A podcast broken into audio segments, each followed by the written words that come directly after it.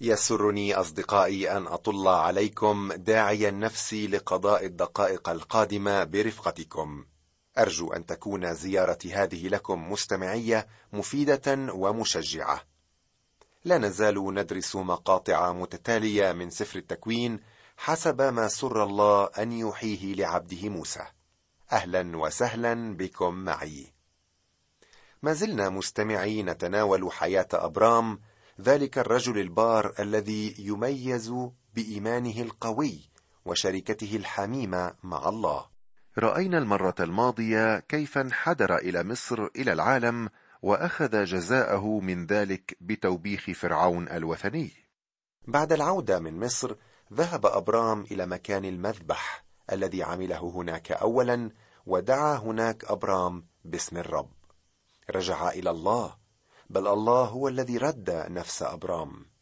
كان دائما هناك رجوع إلى المذبح من قبل أبرام الابن الضال. وكل من يريد الرجوع إلى الله فإنه يجده فاتحا ذراعيه في استقباله. لكن المشكلة مع أبرام لم تكن الثروة بل رفيقه الذي لم يكن سائرا بقوة إيمانه بل كان فقط متاثرا بإيمان أبرام. ورأينا أن غناه يسبب له مشاكل مع لوط وينتج عن ذلك المخاصمة والانفصال. وتنازع الإخوة فيما بينهم أمام الكنعانيين والفريزيين أمر مخجل ومحزن. ولكن هذا الخصام صار فرصة لأبرام أظهر فيها جمال قوة الإيمان وسمو الأداب التي ينشئها الإيمان الراسخ في من يمتلكه. أما صديقنا لوط فأظهر أن قلبه كان في العالم. كان اهتمام لوط منصبا على تلك البقعة. اختار المكان الذي كان الله مزمعا أن يرسل نار غضبه عليه. وقد اختار هذه الأرض لأنه اهتم بالظاهر بالجمال الخارجي ولم يحسب أمر المستقبل بل وقعت عيناه على السقي فانجذبتا له. وأعطى الله الأفضل لأبرام لأنه ترك الخيار بين يديه. سكن في بلوطات ممرة التي في حبرون في الغنى والشركة مع الله أروع مكان للسكنى. سنبدأ اليوم دراستنا من الأصحاح الرابع عشر من سفر التكوين الذي نجد فيه الحرب الأولى مسجلة حيث ينقذ أبرام لوطا. كما ونجد ظهور الكاهن الأول ملك صادق الذي بارك أبرام. ربما لا نجد تسلسلا في الأحداث لكنه أصحاح رائع حقا. ستقرأ لنا ميسون مشكورة الآيات الأربع الأولى من هذا الأصحاح الرابع عشر. وحدث في أيام أمرافل ملك شنعار وأريوك ملك اللسار وكدر لعومر ملك عيلام وتدعال ملك جوييم أن هؤلاء صنعوا حربا مع بارع ملك سدوم. وبرشاع ملك عمورة وشنآب ملك أدمة وشمئيبر ملك صبويم وملك بالع التي هي صغر. جميع هؤلاء اجتمعوا متعاهدين إلى عمق السديم الذي هو بحر الملح. اثنتي عشرة سنة استعبدوا لكدر العومر والسنة الثالثة عشرة عصوا عليه. فعلا تدريب رائع على لفظ الحروف ونطقها. اولا يجدر بي أن أقول أن هذه وثيقة تاريخية. مذكور هنا أن ملوك الشرق هزموا ملكي سدوم وعمورة. لقد وجدت أسماء هؤلاء الملوك على الألواح الحجرية والنصب التذكارية بدليل أنهم كانوا موجودين حقا. مثلا أمرافل هو حمورابي المعروف في التاريخ. وهنا نرى أول ذكر للحرب ولكن هذا لا يعني أنها الحرب الأولى. والهدف من ذكرها أن لوط كان معنيا. جميع هؤلاء اجتمعوا متعاهدين إلى عمق السديم الذي هو بحر الملح. اثنتي عشر سنة استعبدوا لكدر لعومر والسنة الثالثة عشرة عصوا عليه. التمرد والعصيان أتيا بالحرب على سدوم وعمورة. الآيات من الخامسة وحتى الحادي عشر تخبرنا عن الحرب التي دارت بين أولئك الملوك القدامى. ولكن لماذا تذكر الحرب هنا؟ الأمر الذي كان مألوفا يومئذ غير أن الله كان من خلف ذلك الموقف الصراعي. كان يريد أن يلقن العالم درسا. كان يريد أن يلقن لوط درسا آخر. لن نقرأ هذه الأعداد إنما ننتقل فورا إلى العدد الثاني عشر. هل قرأت لنا يا ميسون حتى نهاية الأصحاح الرابع عشر؟ وأخذوا لوطا ابن أخي أبرام وأملاكه ومضوا إذ كان ساكنا في سدوم فأتى من نجا وأخبر أبرام العبراني وكان ساكنا عند بلوطات ممر الأموري أخي أشكول وأخي عانر وكانوا أصحاب عهد مع أبرام. فلما سمع أبرام أن أخاه سبي جر غلمانه المتمرنين ولدان بيته ثلاثمائة وثمانية عشر وتبعهم إلى دان. وانقسم عليهم ليلا هو وعبيده فكسرهم وتبعهم إلى حوبة التي عن شمال دمشق. واسترجع كل الأملاك واسترجع لوطا أخاه أيضا وأملاكه والنساء أيضا والشعب.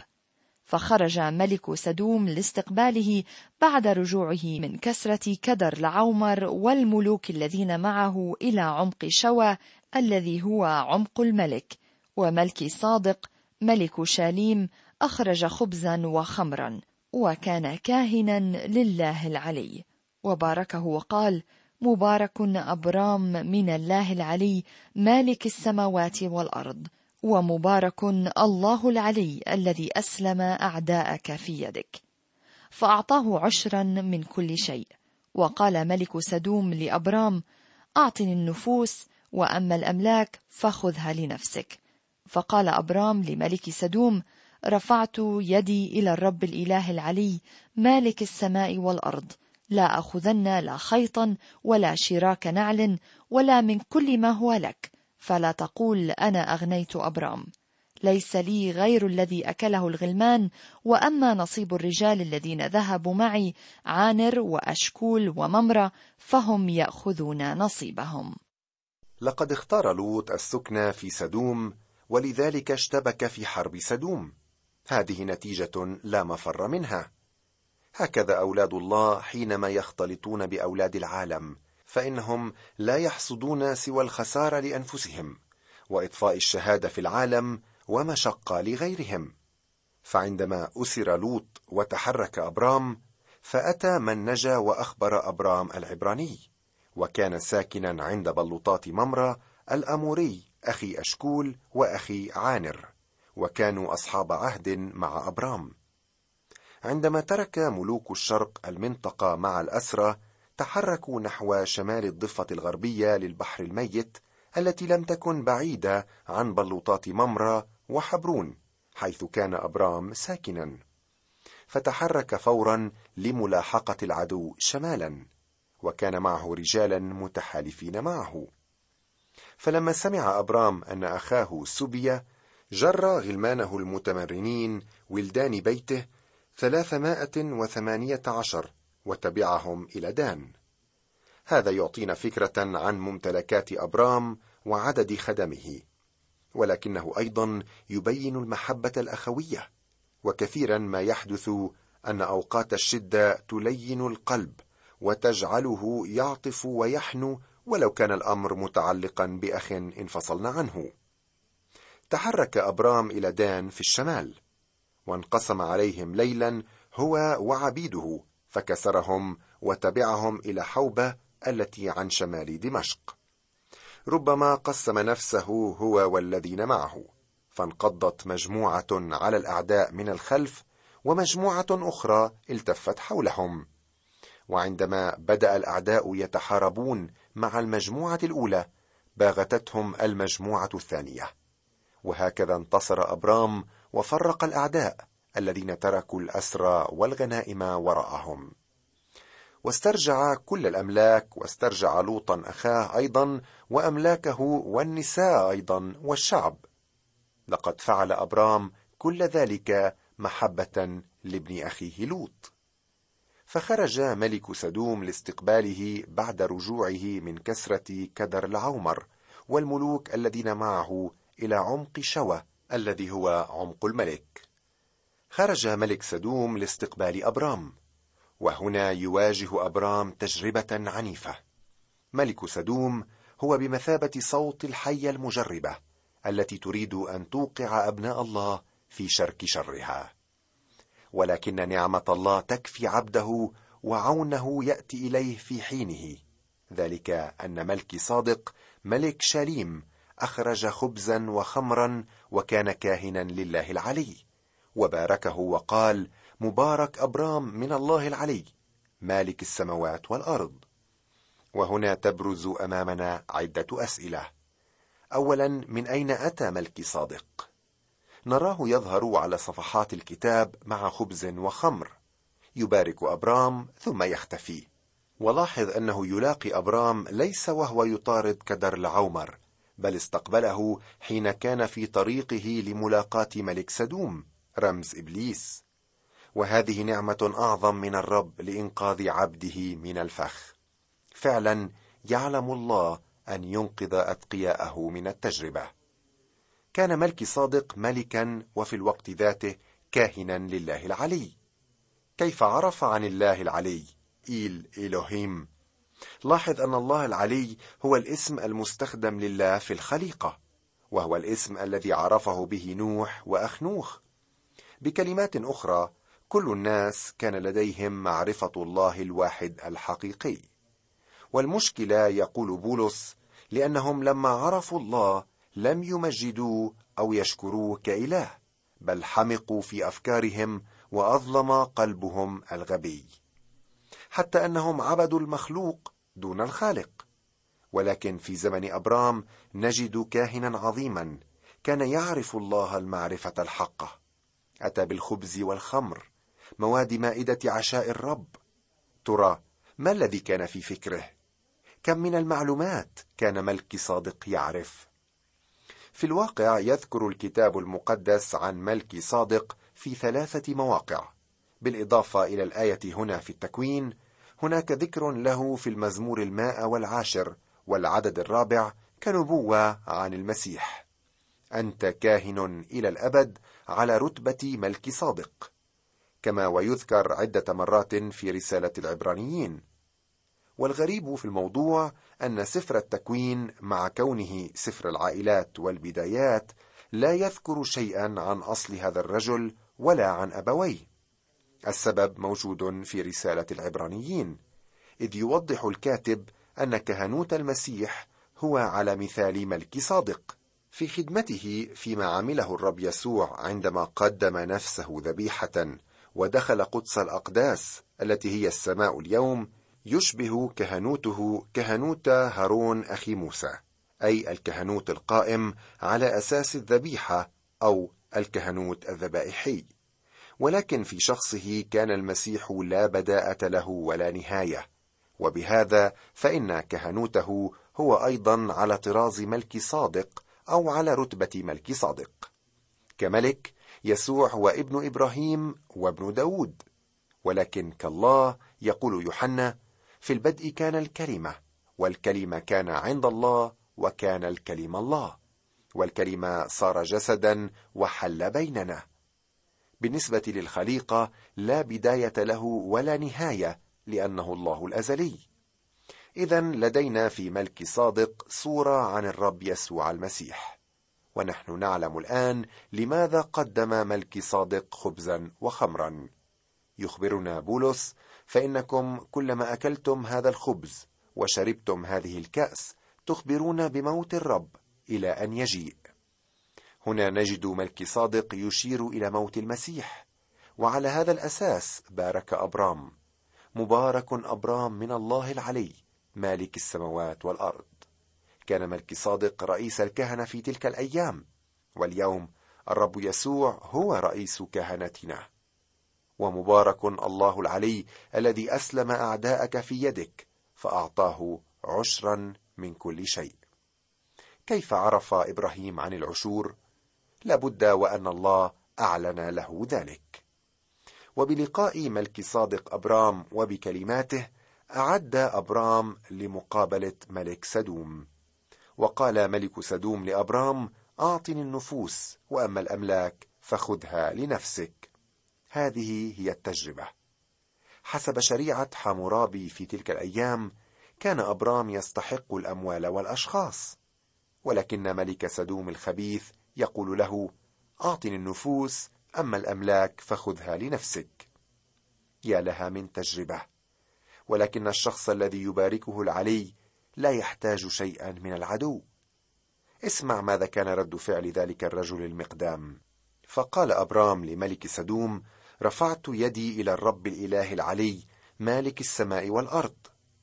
كان أبرام ما زال تحت تأثير بركة ملك صادق. لقد امتلأ فكره وعواطفه من مالك السماوات والأرض لذلك فإن خيرات سدوم لا تؤثر عليه. كانت هذه البركة هي المنفذ الذي دبره الله له ليخرج من التجربة. هذا وعد الله الأكيد لنا أيضا. لا أخذن لا خيطا ولا شراك نعل ولا من كل ما هو لك. فلا تقول أنا أغنيت أبرام. كان أبرام مكتفيا بالغنى الذي أعطاه إياه الله. لم يذهب إلى الحرب من أجل الغنائم بل من أجل ابن أخيه لوط. وهو لا يريد أن يعود الفضل في غناه لملك سدوم. أراد أن يعطي المجد لله. كل هذا يا أخي يشجعنا ويعزي قلوبنا التي ترغب في أن تسير في طريقها ضد العالم والجسد وإبليس. ليس لي غير الذي أكله الغلمان. وأما نصيب الرجال الذين ذهبوا معي عانر وأشكول وممرة فهم يأخذون نصيبهم.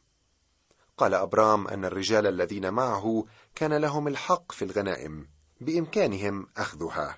أما هو فلم يأخذ شيئا. نأتي الآن إلى القمة في الأصحاح الخامس عشر من سفر التكوين. نأتي إلى الوعد. هنا سنلاقي أبرام في حياته الخاصة. استمع إلى الآيات الخمس الأولى من هذا الأصحاح الخامس عشر. بعد هذه الأمور صار كلام الرب إلى أبرام في الرؤيا قائلا لا تخف يا أبرام أنا ترس لك أجرك كثير جدا. فقال أبرام أيها السيد الرب ماذا تعطيني وأنا ماض عقيما؟ ومالك بيتي هو أليعازر الدمشقي. وقال أبرام أيضا إنك لم تعطني نسلا وهو ذا ابن بيتي وارث لي. فإذا كلام الرب إليه قائلا لا يرثك هذا بل الذي يخرج من أحشائك هو يرثك. ثم أخرجه إلى خارج وقال انظر إلى السماء وعد النجوم إن استطعت أن تعدها. وقال له هكذا يكون نسلك لا تخف يا أبرام أنا ترس لك أجرك كثير جدا.